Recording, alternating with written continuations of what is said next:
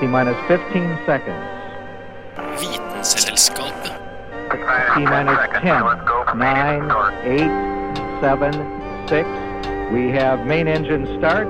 4, 3, 2, 1, and liftoff. Vitenselskapet. Vitenselskapet på Radio Nova.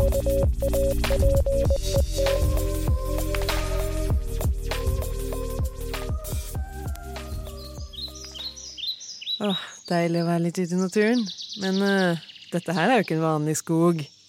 Det her er jo en skog av saker. Radiosaker. Ja, se der borte. Der ser jeg noe, en sak om en gammel skog. Det er en skikkelig gammel skog. Men hva med det der? Noe dyr som eh, både bråker og ikke bråker? Er det, er det dinosaurer jeg ser eh, borti der? Jeg tror det. Men eh, det finner vi ut litt seinere, når vi går inn i denne skogen som vi kaller en sending med Vitenselskapet. Og med meg på ferden så har jeg som alltid min trofaste venn og for så vidt også søster. Hanne Grydeland. Og jeg heter da selvfølgelig Kristin Grydland, og du hører på Vitenselskapet.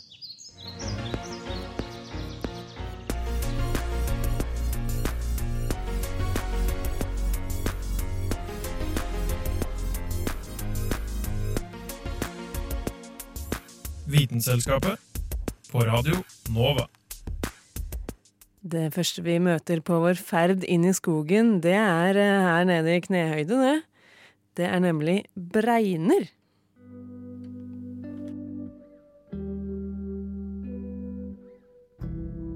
I løpet av verdenshistorien har skogen bestått av bregner, bartrær og løvtrær. Men hva er egentlig forskjellen på disse? La oss starte med de minste av disse plantene, nemlig bregnene. I Norge finner vi ca. 45 av totalt 9000 arter bregner. Disse består av røtter, jordstengel og blad. Bregnene starter livet sitt innrullet i en liten spiral som kan ligne litt på en grønn snegle, før den bretter seg ut til et langt, fint blad. Selv om vi i Norge ofte møter på bregner som rekker oss til knærne, finnes det også arter, såkalte trebreiner, som kan bli opptil ti meter høye, derav navnet. Trebreinene er også en av de vanligste fossile breinene man har funnet, som vil si at de var en viktig del av jordens vegetasjon for ca. 370 millioner år siden. Noen bregner er også populære potteplanter, så det kan hende du har en liten bit av en dinosaurskog i stua di. Videre fra disse fossile bregnene klatrer vi oppover i løvtrærne. Disse kjennetegnes ved sine flate, tynne blader, som ofte blir brune mot høsten før de etter hvert faller av. Lengre sør er det også vanlig med eviggrønne trær med blader som holder seg i flere år uten å falle av. I Norge er kristtorn den eneste tresorten med denne egenskapen. Sist, men ikke minst, skal jeg fortelle deg om kanskje den mest spennende tretypen av dem alle, nemlig bartrærne. Ja, disse med barnåler som stikker deg akkurat nok til å gjøre vondt uten at du blør. Noen arter bartrær kan bli over 100 meter lange og over 3000 år gamle. Selv om vi kaller dem for nåltrær, har de faktisk blader. Ja, for disse nålene er bare lange, tynne, spisse blader som tar til seg sollys og karbondioksid på samme måte som alle andre blader. Men hvorfor har evolusjonen gitt disse trærne slike spisse blader? Jo, du har kanskje merket deg at bartrær har en tendens til å oppbevare seg i kaldere og tørrere strøk enn mange løvtrær. Det er fordi nålformen med sitt tykke, voksbelagte ytre har mye lettere for å holde på det lille som er av vann, og tørker ikke lett ut. De kan også takle kulde, og siden de ikke visner på vinteren, har de også mulighet til å sole seg året rundt. I motsetning til flate blader er de også vanskelige og ikke veldig appetittlige for insekter å spise.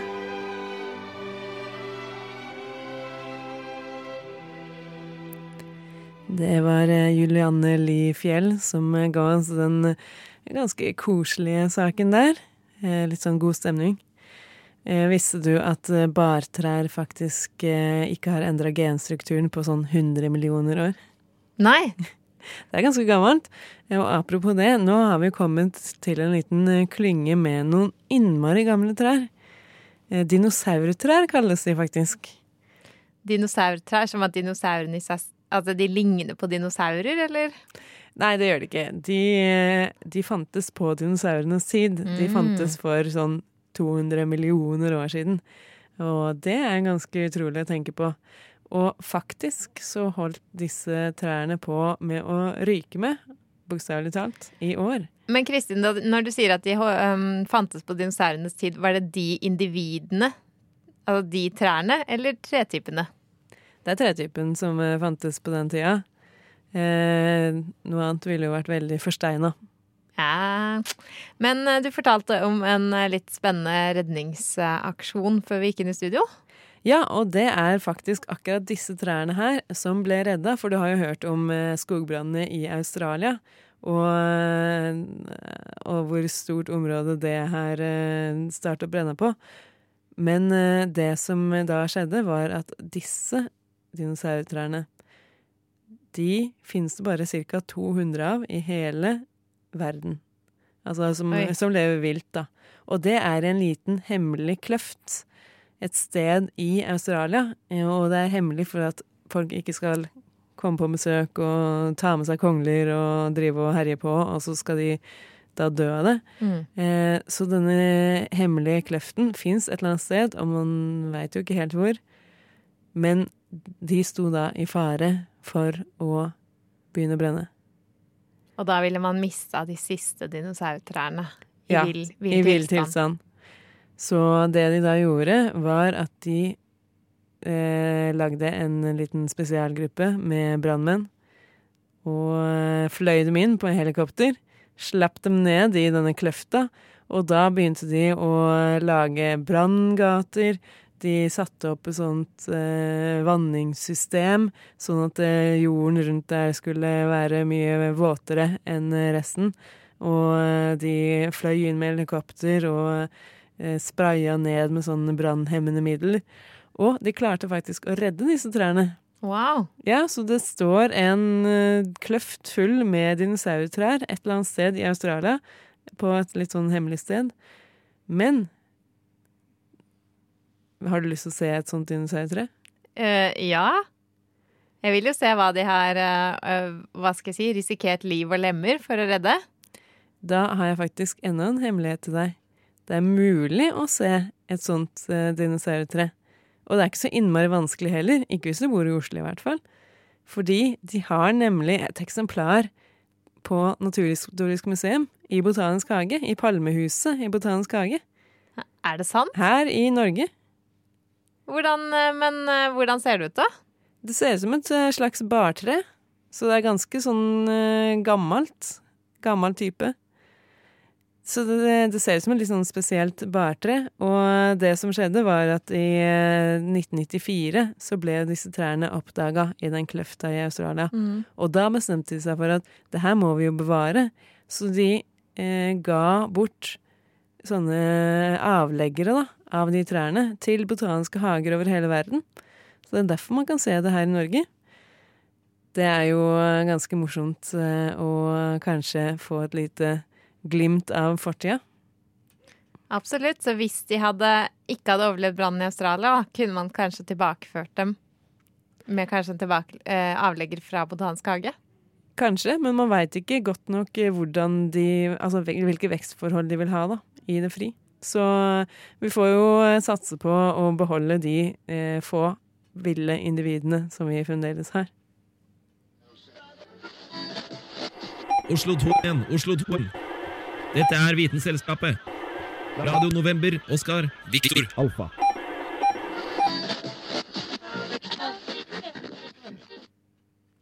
Apropos dinosaurer og trær, hva med dinosaurer i trær? Ja, jeg ser jo et, eh, en sak i, i skogen vår her borte. Ja, det er en sak som kommer hoppende innom.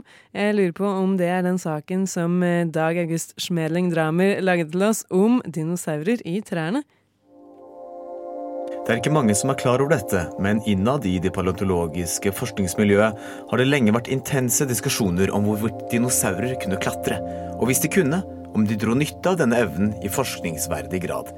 Mange dinosaurer levde blant trærne, som de brukte for beskyttelse og i planteeters tilfelle som mat. Men levde de i dem? Mange dyr har evnen til å klatre, akkurat som de har evnen til å svømme. Viktig som spesielt den sistnevnte evnen er for overlevelse. Dog er det et spørsmål om hvor viktig eller sentral denne evnen er for dyrene som diskuteres. Noen dyr er nemlig arboreale, altså fullstendig avhengige av trær for sitt nødvendige virke. De fleste primatarter er avhengig av trærne, og flere lever nesten utelukkende et liv over bakken. De fleste fuglearter og mange flaggermus lever også fullstendig trebaserte liv. I regnskogen, dominert som den er av enorme trær, er det tusener på tusener av arter som lever hele liv uten å sette sin fot på bakken. Men var det noen dinosaurer som levde fullstendig trebaserte liv? Mye tyder på at mindre tobente dinosaurer, som de kjøttetende teropodene, hadde evnen til å klatre, og at de med sine krumme klør nyttiggjorde seg av denne evnen, enten for å flykte fra større rovdyr eller jakte på byttedyr selv. Og så har vi de avianske dinosaurene, også kjent som fuglene, som vi nå vet var avhengig av trærne for å utvikle seg, da de brukte dem til å glidefly, fra før de til slutt fikk evnen til å fly for egen maskin. Til en dag i dag bruker de avianske dinosaurene busker og trær flittig i sin flukt. Spørsmålet da er var det en tid da de ikke-avianske dinosaurene levde i trærne? Det er faktisk et eget begrep i faglitteraturen for evnen til og tilpasningen av å klatre i trær, nemlig skansorial, som kommer fra latin skandere, å klatre, og arboreal trær. Det er åpenbart at tidlige avianske dinosaurer, sånn som den berømte Archeopteryx og Protoavis, ikke bare hadde evnen, men faktisk var avhengig av den for å fullbyrde sitt levesett. Mindre sikkert, men også nokså sannsynlig, er det at mikroraptor, og kanskje til og med velociraptor, kunne klatre i trærne, muligens for å bedrive snikangrep på bytte. Det vi vet, er at svært mange arter av dinosaurer levde tett på trærne og var avhengig av dem for mange av sine vitale aktiviteter, og at trenlandskap og skog påvirket dinosaurene, som i sin tur påvirket landskapet. Blant annet er det nå kjent at de langhalsede gigantene sauropodene endret vegetasjonen de vandret i gjennom sitt voldsomme konsum av den. Nå er det da også mye som tyder på at flere dinosaurarter, spesielt de som markerte overgangen mellom ikke-avianske og avianske, levde liv hovedsakelig i trekronene. Det er også nyere forskning som tyder på at dinosaurenes tidlige og mer primitive slektninger i de unge urskogene, nå kjent som en egen gruppe med reptiler, levde liv blant grenenes grønske. Og det er én ting som er sikkert, og det er at vi kan takke trærne for de dinosaurene vi fortsatt har igjen, nemlig fuglene.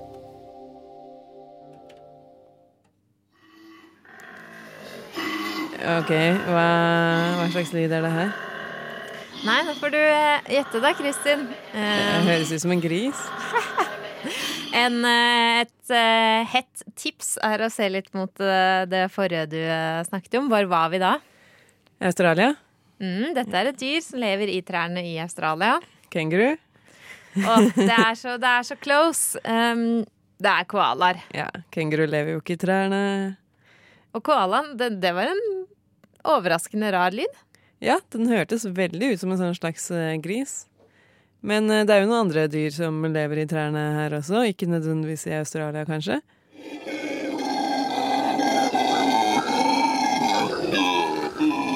Ok, det, det her høres ut som en koala som raper. Eller griser, dette også. Ja, det kan også være griser. Det er veldig mye, veldig mye dyr som høres ut som griser. Som lever i trærne. Um, ja. Dette er lyden av en brølape.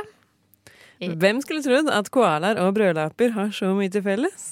Nei, si det. Kanskje man burde kalle koalaer for brølebamser eller noe sånt noe?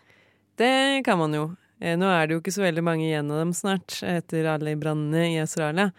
Men, men, det er bra vi har lyden av dem på tape, i hvert fall, da. Men noen vi ikke har lyden av, det er et annet utrolig søtt dyr som også lever i trærne. Koala-baby. Åh, ja, men det, det er ikke koalababyer. Det dyret jeg snakker om her, det ser ut som en liten Yoda. Baby Yoda, Ja, og du har fått med deg fenomenet Baby Yoda. selvfølgelig. Baby Yoda fra Star Wars er utrolig søt. Kjempestore øyne.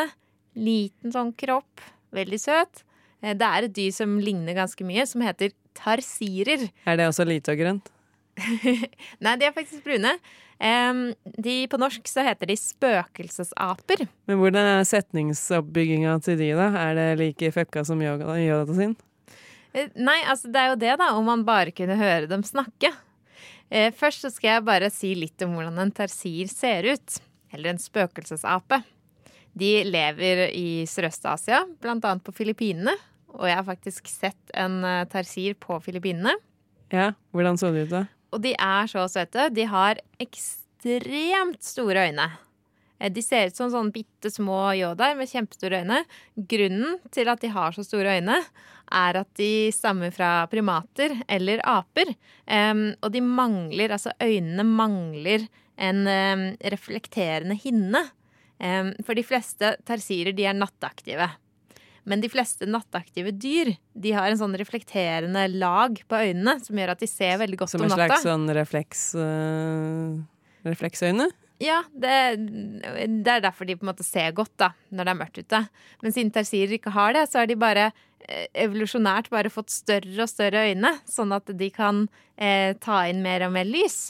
Og se på en måte noenlunde godt på natta, da, med tanke på at det er da de er aktive. De må få veldig mye sånn rusk i øyet. Eh, ja, det, er, det har jeg ikke tenkt på. Men eh, øynene er faktisk så store. I noen tilfeller så er de større enn hjernen deres.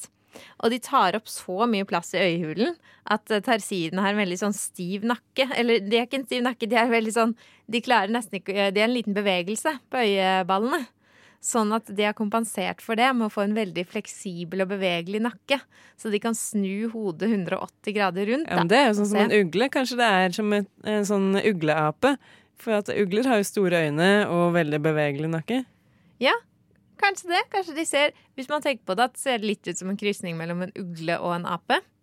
Um, og de har um, De sitter i trær, Uh, og så driver de og hopper fra trær til trær, da. Eh, så de lever i trærne, og de er veldig sånn stille og rolig og Lett å forsiktige. drepe.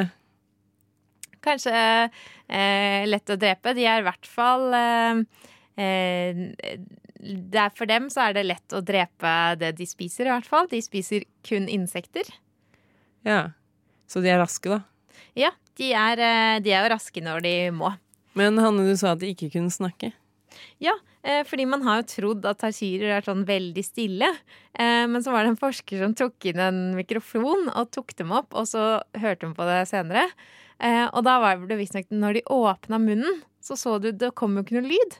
Men når hun tok og hørte på opptakene hjemme, så viste det seg at det kom masse lyd. Det var Så de, de er brødlaper. ja, det var bare det at det var ultralyd som kom ut av munnene deres. Så de, de skriker, men de skriker veldig, veldig høyt. På, Ja. Høyt på skalaen. faktisk. Eh, og man tror at eh, den ene grunnen kan være at de eh, har utviklet den type måten kommunikasjon eh, for å lettere høre byttedyr, byttene sine. Fordi byttene, altså insektene, de kommuniserer også ultrasonisk. Så det er litt for å måte oppdage hvor eh, insektene er, så at de lettere kan fange dem. Eller så kan det være at de snakker så høyt for å unngå å bli hørt av andre dyr. Altså de snakker på en hemmelig frekvens, da. Eh, så for eksempel hvis en mor roper etter ungen sin, så det, vil de ikke bli hørt av byttedyr. Ok, så nå har vi da hørt eh, masse brølende griselyder i, fra trærne. Og så lyder som vi da ikke kan høre. Ja, Det stemmer. There's hydrogen and helium, then lithium, beryllium, boron, carbon everywhere, nitrogen all through the air with oxygen so you can breathe. Du hører på Vitenselskapet på Radio Nova.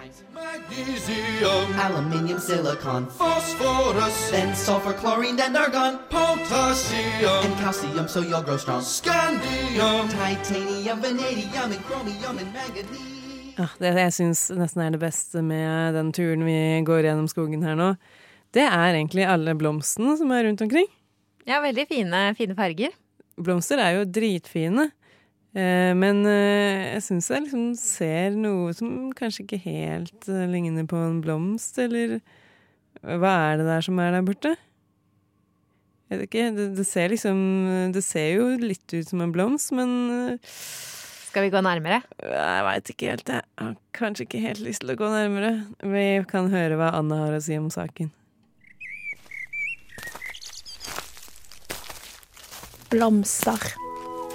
Det fineste naturen har å by på. Mange forskjellige farger og fasonger. Kanskje det fineste vårtegn. Også den duften, da. Men slett ikke alle blomster faller inn under den kategorien. Det finnes nemlig en blomst som bor langt inni den indonesiske regnskogen. En som heter Raflesia arnoldi. Og dette er ikke hvilken som helst blomst. Dette er faktisk verdens største blomst. Den kan bli så stor som én meter i diameter og veie opptil ti kilo. Den er stor og rød, og lukten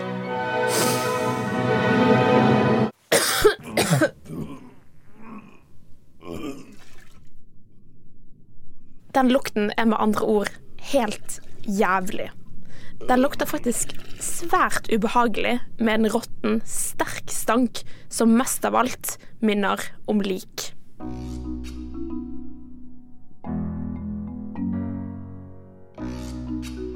Men hvorfor lukter den så forferdelig, tenker du kanskje? Det har seg nemlig sånn at denne blomsten ønsker å tiltrekke seg en type fluer for å bli pollinert. Og disse fluene er åtselfluer, som normalt spiser og bryter ned døde ting i skogen. Og siden raflesia er blodrød med hvite flekker, den stinker som lik, og i noen tilfeller vil den faktisk utstråle varme, som et dyr som nettopp har blitt drept. Blomsten gjør med andre ord alt for å få fluen til å tro at den er kjøtt. Men selve blomsten har ikke noe å by på for disse fluene. Fluene blir lurt inn i et lite kammer, der de etter hvert vil få pollen på seg. Når de kommer seg ut igjen, vil de fly av gårde for å finne et virkelig dødt dyr. Men i stedet kan de igjen bli lurt og havne i en raflesia. Går alt som det skal, vil fluen bringe pollen fra hannblomsten og sette seg på en hunnblomst. Og da er krysspollinering et faktum.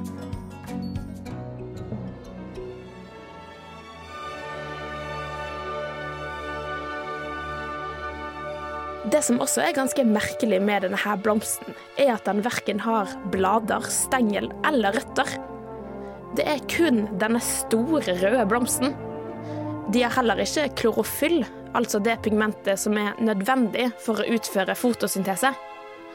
Raflesia klarer med andre ord ikke å fremstille organiske stoffer fra fotosyntesen, sånn som alle andre planter kan. Tingen er at denne planten oppfører seg som en parasitt og snylter på en type lianer i regnskogen. På denne måten så får den alt den trenger, og er med andre ord fullstendig avhengig av disse lianene for å overleve.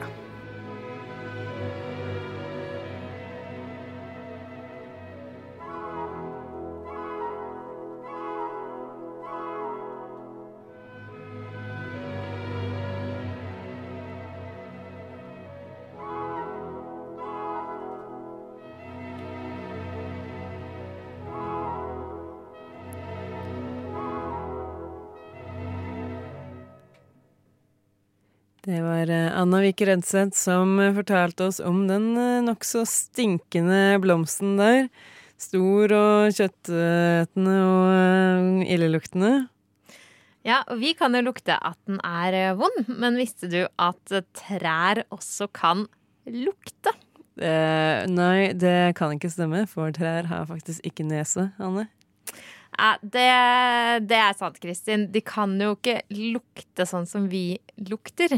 Men en nyere studie har avdekket at eh, trær, altså furutrær, faktisk kan oppdage eller lukte angrep fra insekter før de blir angrepet. Eh, ok, men hvordan fungerer det, da? Eh, det fungerer sånn altså, Først så kan jeg fortelle litt om studien. For det fins noe som heter furubarveps. Og de elsker å sette seg på furutrær og legge egg. Og når eggene klekkes inni barnålene eh, Inni barnålene? Ja, inni barnålene på furuskuddene. Så det er ikke snakk om så veldig store dyr? Eh, nei, altså de kan bli eh, opptil nesten tre centimeter lange. Eh, svarte, og, svarte prikker og streker. Mm. Eh, sånne små ormer. Og når de klekkes, da, de larvene, så driver de De spiser liksom på treet. Eh, så de, eh, de spiser opp treets næring. Eh, og det kan føre til at furutreet kan miste, miste alle nålene og dø. Ok, Så det er ikke en parasitt uh, som de har noe lyst på? Det er ikke en sånn som lever i symbiose? Det er en, en fiende? Det er en fiende. Um, så forskerne, de um, så på om Altså hvilket forsvarsverk trærne har da, mot denne type angrep. Ja, For selv om de da kan lukte dem, hva kan de gjøre med det? Hvis de lukter at angrepet er på vei, så er det bare sånn 'Å, nei, jeg lukter angrepet er på vei', men de kan jo ikke akkurat flykte. Nei, eller vifte dem vekk med hendene eller noe sånt noe. Eh, men det forskerne gjorde, da, de var at de utsatte én gruppe furuer for eh, sånn eh, seks feromoner fra furubærvepsen.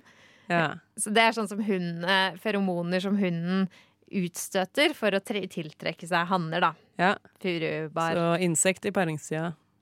Yes. Eh, så eh, denne type feromoner, sexferomonene, de lukter. Så de utsatte en gruppe furuer for sexferomoner og en gruppe furuer som ikke fikk sexferomoner. Mm. Og så introduserte de inn med furubærvepsen.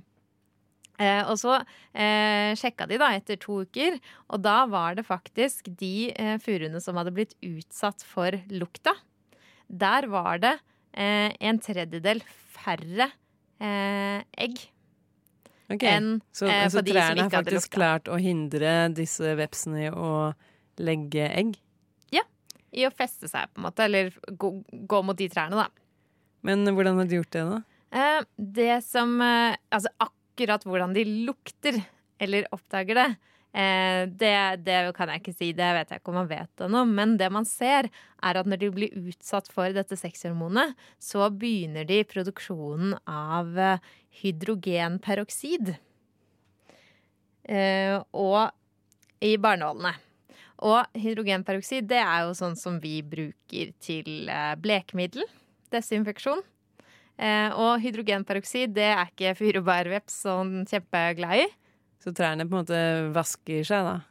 Eller Ja. ikke vasker seg, men slenger på seg noen vaskemidler? Ja, de slenger i hvert fall ikke på seg noe godlukt. Eh, så da går liksom ikke furubærvepsen bort til dem.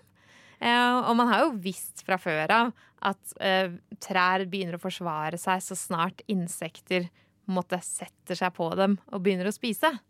Jeg, jeg, liker egentlig litt tanken om at dette her ikke er et aktivt forsvarsverk av trærne, men at de begynner liksom å, å kaldsvette når de lukter at vepsen kommer. Så begynner de å, å svette litt sånn vaskemidler. Ja, For å tilegne trær bevissthet, det tror jeg ikke man kan. Men, eh, men i hvert fall så ser man den. årsak. Eh, Sexferomon fra insekter gir effekt. Hydrogenperoksid på furutrær.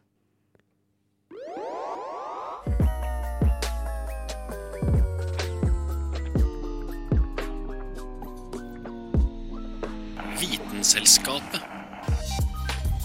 Yes, da begynner vi å se enden på denne skogen. Eh, vår reise går mot slutten, og det gjør programmet også. Med meg på veien så har jeg jo hatt eh, en ganske trofast følgesvenn, eh, nemlig deg, Hanne Grydland. Takk for det, Kristin. Ja, takk for at du ville være med. Mitt navn er eh, Kristin Grydland, og du har hørt på Vitenskapet. Og det kan du gjøre om igjen og om igjen hvis du ønsker det, for vi er nemlig på alt mulig av podkasttjenester og eh, alt mulig der ute. Vi er også på Facebook og Instagram og alt mulig av sosiale medier. Vi lever jo tross alt i en moderne verden. Tusen takk for at du tok følge med oss, og vi lyttes. Selskapet.